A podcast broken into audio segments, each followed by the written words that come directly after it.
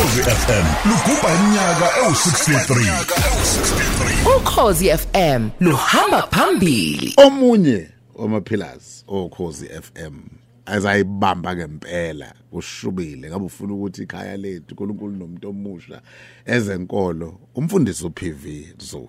Nabezetha makeba. Emthiya awu ngaze ngajabula.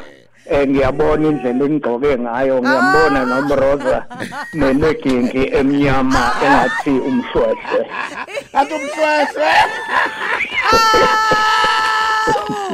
Hawu makeba. Namanje makeba. noma isudu yami Hawu ngamfundisi makeba. Umbatha Eh, lesukele ngiyakubona ngiyakubona Eh, kodwa uya kodwa mroza ngekile ngathi umhlwehlwe yini hawu makeba namanje makeba mina nawe seyizitha makeba Ah, hayi kuwena ngisalindele wawusitshela indaba yemfengwane wakhumbula awusakholwa kodwa m- uyalikhumbula ibhala kodwa noma ungeke usalikhuluma la emoyeni uqhutshwa Eh, ngebhala ngiyalikhumbula nebhala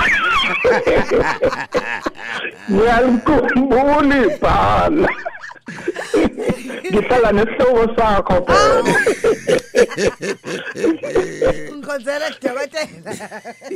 Eh hayi.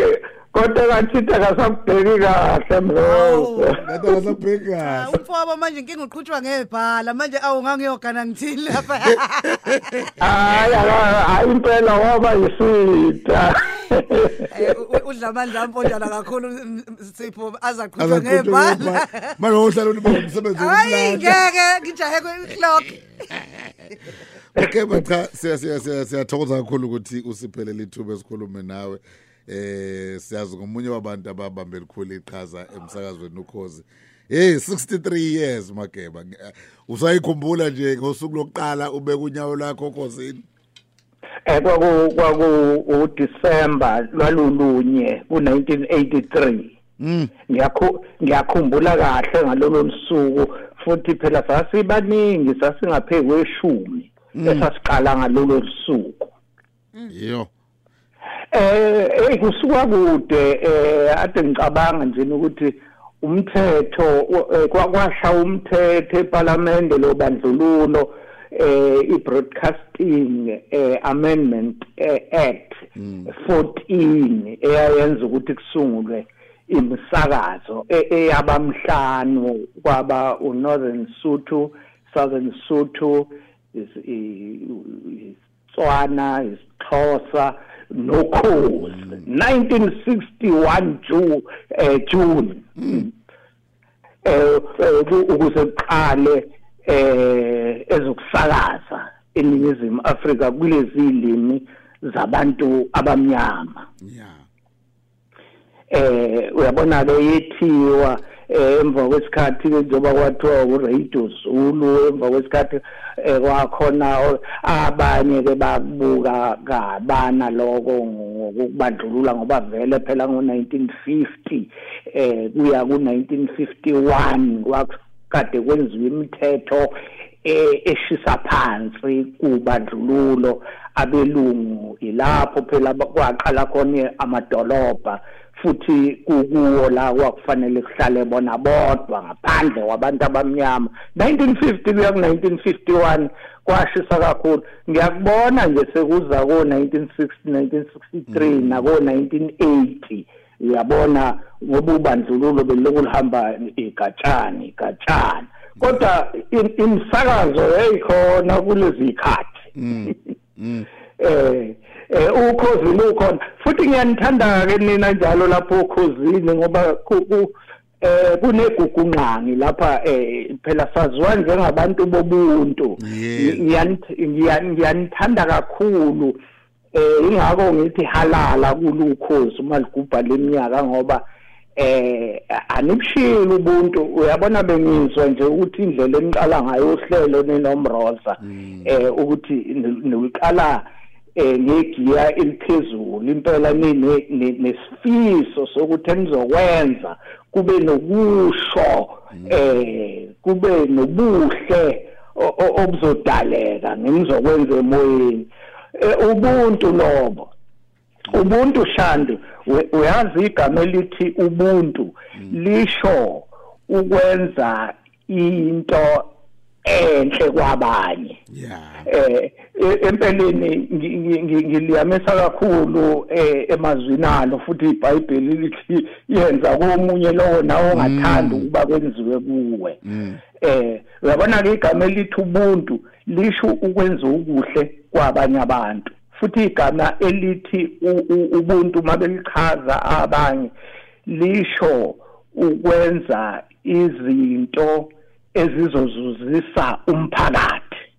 Ubuntu ke lobo. Yingakho njena eh uyabona kuleli gama elithi ubuntu ziningi izinto ezinhle ezayivela kulo njengokuthi nje abantu ababesuke bengenalutho beswele umuntu efika nje nendaweni eh, eh, esazogxumeka nje eh babefike kwakulula nje ukubona ukuthi hayi abanalutho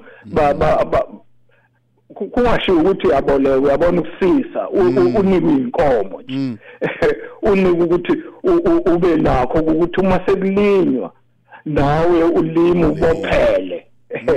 Eh kwakunako nje lokho. Kwakunako lokuthi ngisho sekuvunwa wena uma kungakuhambelanga kahle netsimu futhi ungenayo kahle eh kuthiwa nje hayi u- u- uzobavunisa laba bakwaziwa ukuthi mase nawe usuphindele ekhaya uzophindela nawe kube sengathi nawe bu- ubukade u- u- u- uvuna. Uyabo kwakunako lokho eh i- i- i- imtheshwane hambisana naleli gama elithi ubuntu njengokwenana nje uyabo? Wawukwazi ukuthi uma ungenawo ushukela ungenawo usawoti ungenayo impuphu uyakwamakhelwane uyokwenana. Eh wa- wayengahleka umuntu ngokuthi ube ubezokwenana kubonakala ukuthi ubezocela ubezonxiba. Eh eh, kwakungathathwa lokuthi sekubuphara lokho yabo? Namuhla abantu eh ikakhulu sebeyicabanga bona. Umuntu seyicabanga angasangacabangeli ngisho umndeni wakhe. Angathi esemndenini avela zenza inhlwa ayi- ayicabange yena. Izinto azenzayo kube izozo zisayena. Ukuthi abanye zibaphatha kanjani angabi namsebenzi walutho. Uyabona ke manje uyabona mthiya nenombroza kulesi sikhathi esiphila kuso igama elithi ubuntu kukhulunywa kakhulu ngalo. Kodwa igama elithi ubuntu kuphilwa kan- kancane ngendlela yokulandela leli gama elithi ubuntu kanti kuqala uma ubheka bengakhulunywa kakhulu ngaleli gama kodwa be- be- be- bekuphilwa ngendlela e- elikhombisayo leli gama ukuthi eh, futhi phela ngoba kwakuthathwa ngokuthi umuntu ogcwele uma uphila unobuntu. Uma ubonakala ukuthi hayi engathi ubuntu awunawo awungathathwa njengomuntu o- o- ogcwele o- o- owumuntu ophelele ebuntwini kodwa usibani bana? hawu akanabuntu eh wawuthatha njengomuntu ongemuntu. Eh ngakho ke sithi halala eh ngi- ngizwile nje eh imisebenzi yokhozi ngiyayazi eh ukhozi kade laqala imisebenzi yobuntu. Ukukhombisa ubuntu. Wabona nje ngiyakhumbula nami ngisekhona lapho eh kuke kubonakala ukuthi eye lapha yana engathithi kungakhiwa i- u- u- u- i- indlu engakhiwa lapha ngoba isimo si- sitshelile eh kunezimo ezenze satshela isi kuhanjiswe kubonakala ukuthi hey, lapha kulala kudliwe kuhanjiswe ukudla eh wa- wayengahlali umuntu angancwathwa ngoba naku ukuthi- eh, kuwukuthi eh abekho abanalutha bazi bazokwenza njani. Eh ngijabulile nje ngizwe emoyeni ngo- ngomunye othe awutha nami isibongo sami yiso leso abakithi la. Uyabo wa- wa- wawungathi umuntu wakini i- i- i- lompelo ozalwa naye. cha esigodini nje maniphila eh ingane eziphila la kwakuyingane zethu. Sasingabazali bazo singobaba nomama bazo. Ukuthi akwabana kwangahlangene nami lokho. Okwakuhlangana nami ukuthi yala endaweni. Wa- yayingeke iswele ukufunda. Ithi ayinamali. Kukhona abantu endaweni abanemali abangayifundisa. Kwa- kwakungacelwa lokho kwakungancengwa lokho. Into eyivele yenziwe ngoba sikhule si sinobuntu. Ngakho ukhozi ngiyalithanda ngoba liyabukhuthaza ubuntu. Uyabona ke hayi lapho nihleli nihleli kuleyo ndawo futhi engathithi ningabe niloku nikhuthaza nje niqhubeka nokukhuthaza ukuthi akube khona ubuntu ngoba ngiyabona manje yabona uma ubuka izenzo zabanye aba ababulalanayo. Ade ngibuka nje ngithi hey Hey. Indlela okubulawanwa ngayo ungathi njena kunomuntu nje ku- ku- kunomthetho ophumile ukuthi eh, kufanele ukuthi eh, unyaka ungapheli bengafanga abantu abangaka. Nkosi. intembi ihlazeli futhi laba bantu eh mina inhliziyo yami vele ibe buhlungu bayabanjwa nasemajele eh ungacabanga ukuthi bazothuka kodwa hayi emva kokuthi omunye ebulele uzwa sekuthiwa futhi sekuphinde wafiwe endaweni yoku babanjwe nabo labo. Ave bedabukisa uma sebabona bebanjiwe ngoba usathane mubi uyamkhohlisa umuntu uma esaqala ukuthi uzokwenza into kube ngathi akasawobanjwa. Abanjwe njengabanye abasuke bebanjiwe. Hayi. Ngithi halala okhozini.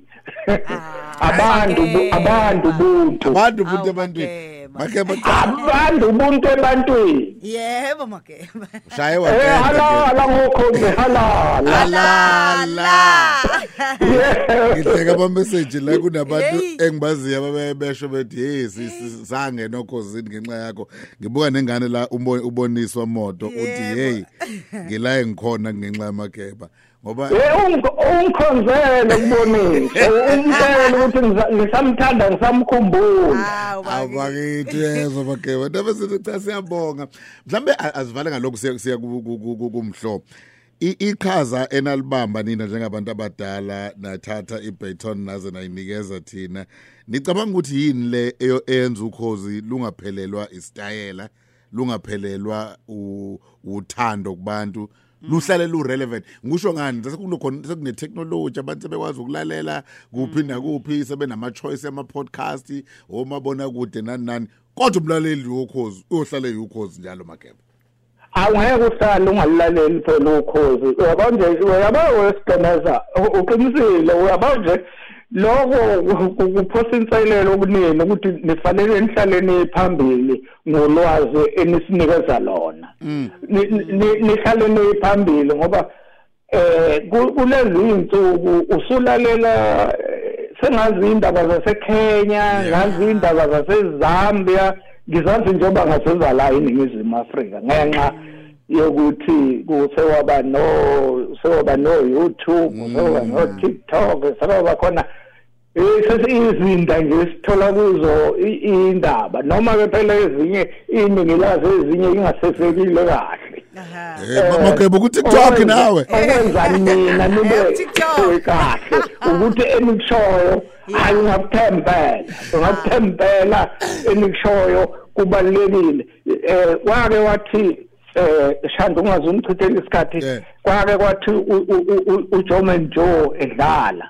Ngangifundisa kwanongoma ngaleso sikhathi kwaku 1983 kwenye i-high school iPhumanyova eh wakhuluma idlalela wathi khona isifo esizoba khona abantu abagaxa okhiye okay Yebo.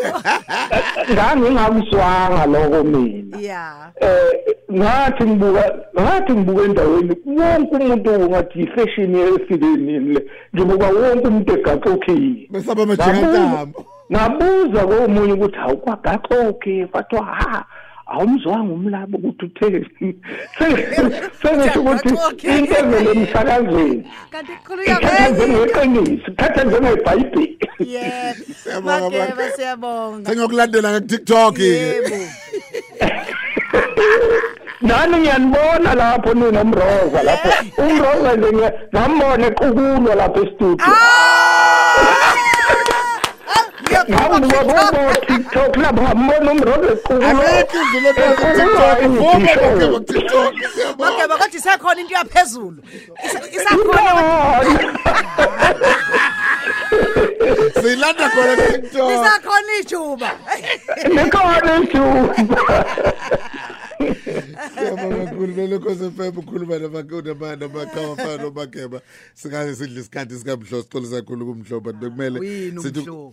Awuyini umhlo noma singasidla. Eh, kodwa kakhulu. Uma sesikhuluma noMakheba. Awu awuyini umhlo? Oh, uyazi Uyazi nje. isiphikwe enkulu la ya. Shothi shothi shothi shothi nami ufuna ngixebule kulo mhlwehlwe. kuba umntwana Wawazi lo mhlwehlwe awuboni? ubona la wona la Asile king yami hey madoda. Ha. Eba- wena Lithi ngigqokile king esamhlwehlwe.